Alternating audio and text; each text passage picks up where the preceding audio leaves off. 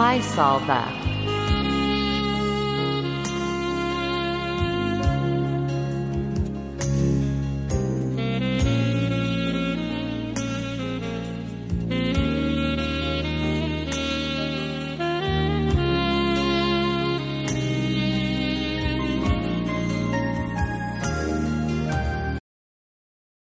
Shalom. Hallelujah. Selamat pagi saudara-saudaraku yang terkasih di dalam Tuhan Yesus. Puji Tuhan kembali pagi ini kita berjumpa melalui acara Renungan Harian Mai Salva dari Gereja Bala Keselamatan Korps 4 Surabaya. Biarlah kita terus bersuka cita mengucap syukur untuk berkat dan kasih setia Tuhan di dalam kehidupan kita.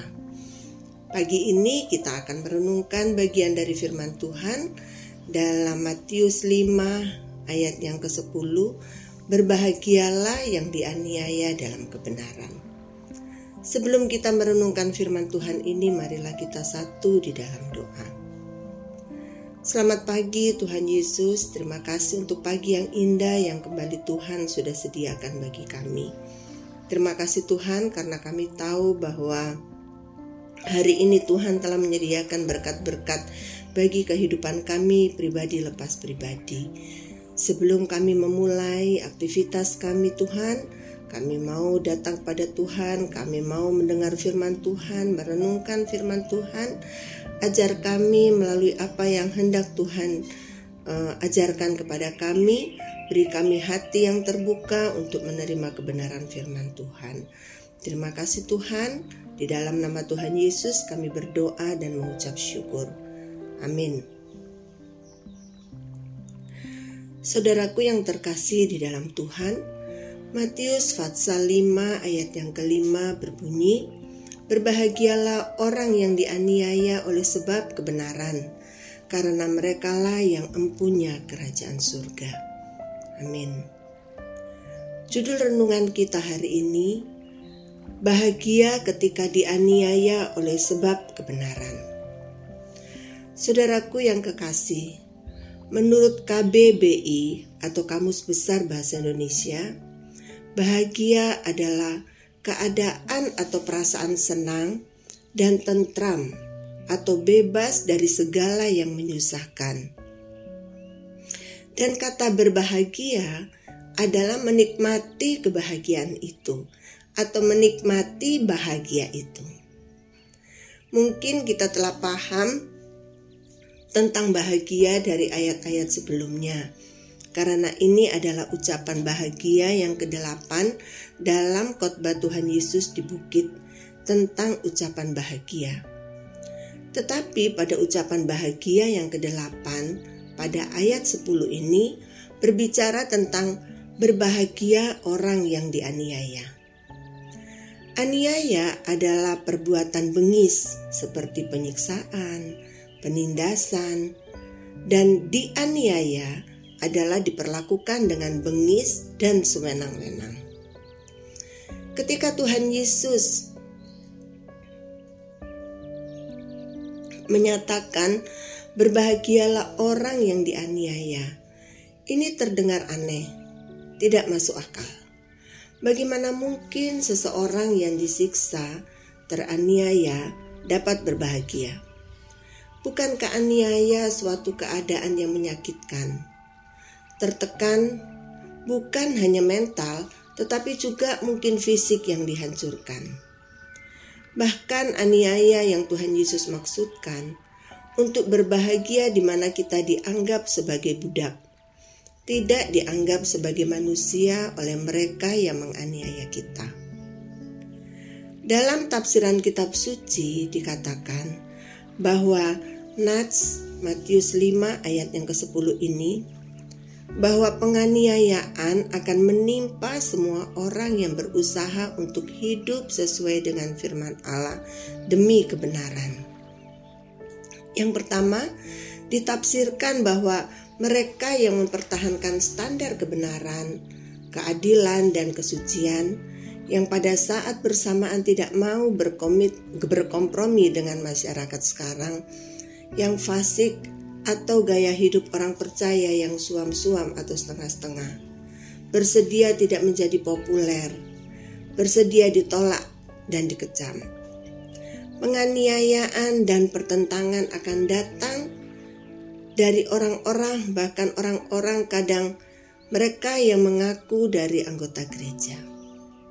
Pada saat mereka mengalami penderitaan ini, orang Kristen hendaknya bersuka cita, tetap berbahagia, karena mereka yang paling menderita akan diberikan berkat yang terbesar dari Allah, yaitu kerajaan sorga. Tafsiran yang kedua adalah orang Kristen harus waspada terhadap pencobaan untuk berkompromi dengan kehendak Allah, supaya dapat mengelak keadaan yang memalukan dan bahkan merugikan. Prinsip kerajaan Allah tidak pernah berubah. Setiap orang yang mau hidup beribadah di dalam Kristus Yesus akan menderita aniaya, akan memikul salib. Ini adalah prinsip kerajaan Allah. Kerajaan sorga dan pahala-pahala sorgawi telah dijanjikan kepada mereka yang menderita dan tabah dalam penganiayaan demi kebenaran. Dari tafsiran tersebut jelas dikatakan, berbahagialah, bersukacitalah, atau diberkatilah orang yang menderita oleh sebab kebenaran. Mereka yang beruntung, merekalah yang menerima kerajaan surga. Dalam Lukas 6 juga disampaikan kebenaran yang sama dan lebih sederhana namun dengan kata-kata yang sedikit berbeda. Lukas 6 ayat 22 sampai 23 berkata, Berbahagialah kamu jika karena anak manusia orang membenci kamu dan jika mereka mengucilkan kamu dan mencela kamu serta menolak namamu sebagai sesuatu yang jahat. Bersukacitalah pada waktu itu dan bergembiralah, sebab sesungguhnya upamu besar di surga. Karena secara demikian juga nenek moyang mereka telah memperlakukan para nabi. Saudaraku yang kekasih, kebenaran adalah keadaan yang cocok atau sesuai dengan keadaan yang sesungguhnya. Orang yang berdiri karena memegang teguh kebenaran kadang bisa menjadi sasaran aniaya. Memang tidak selalu, tetapi bisa jadi mereka sasaran orang-orang yang tidak suka dengan kebenaran. Orang-orang yang terusik kenyamanannya karena kebenaran yang dinyatakan orang lain. Biasanya mereka akan mengambil cara yang kasar untuk mengganti menerima kebenaran. Begitulah memang di dunia yang fana ini, di dunia yang semakin modern ini selama iblis masih diizinkan melakukan aktivitasnya oleh Tuhan, maka itu akan selalu ada dan itu akan selalu di antara orang-orang yang berusaha melakukan kebenaran. Mereka yang membenci kebenaran selalu ada, mencoba menggumkan, membungkam orang-orang benar dengan kekuatan otot, dengan kekerasan, dan dengan segala cara yang bisa mereka buat. Mereka mencari-cari kesalahan orang yang berkata dan bertindak benar dan bahkan menganiaya mereka. Saudaraku, bahkan mungkin kita juga merasa dan bahkan mengalaminya. Kita merasa diisolir, kita didiskriminasi, kita ditolak karena kebenaran dan karena kepercayaan kita kepada Kristus. Mungkin kita sebagai karyawan, sebagai ibu rumah tangga, sebagai mahasiswa, kita ditolak, kita diperlakukan tidak adil, kita dianiaya mental dan harga diri kita karena kita berjalan dalam kebenaran. Matius 5 ayat 10 ini menguatkan kita, yaitu berkat bagi yang teraniaya karena kebenaran. Nasihat Tuhan Yesus adalah bergembira dan bersuka cita bagi yang teraniaya karena kebenaran, karena pahala besar menanti mereka, yaitu memiliki kerajaan surga.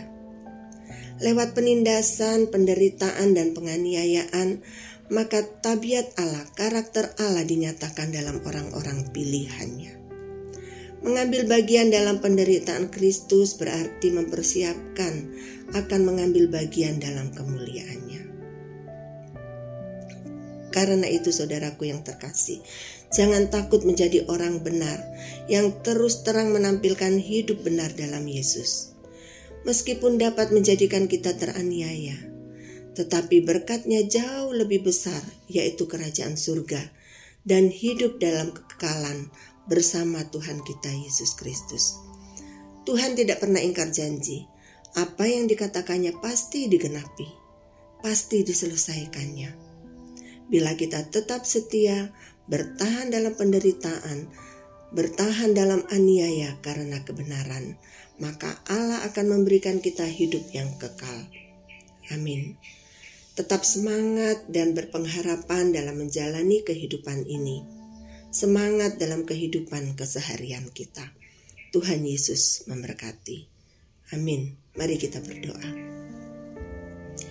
Terima kasih Tuhan karena kami boleh belajar bahwa Tuhan merindukan menginginkan kami sebagai anak-anak Tuhan untuk hidup dalam kebenaran. Secara manusia sulit memang Tuhan, tetapi mampukan kami. Tolong kami agar supaya kami berusaha dengan sungguh-sungguh untuk mempertahankan kebenaran yang kami miliki. Kebenaran bahwa Yesus Kristus adalah Tuhan dan Juru Selamat yang senantiasa mengasihi kehidupan kami, yang menyelamatkan kami dan telah menebus dosa-dosa kami.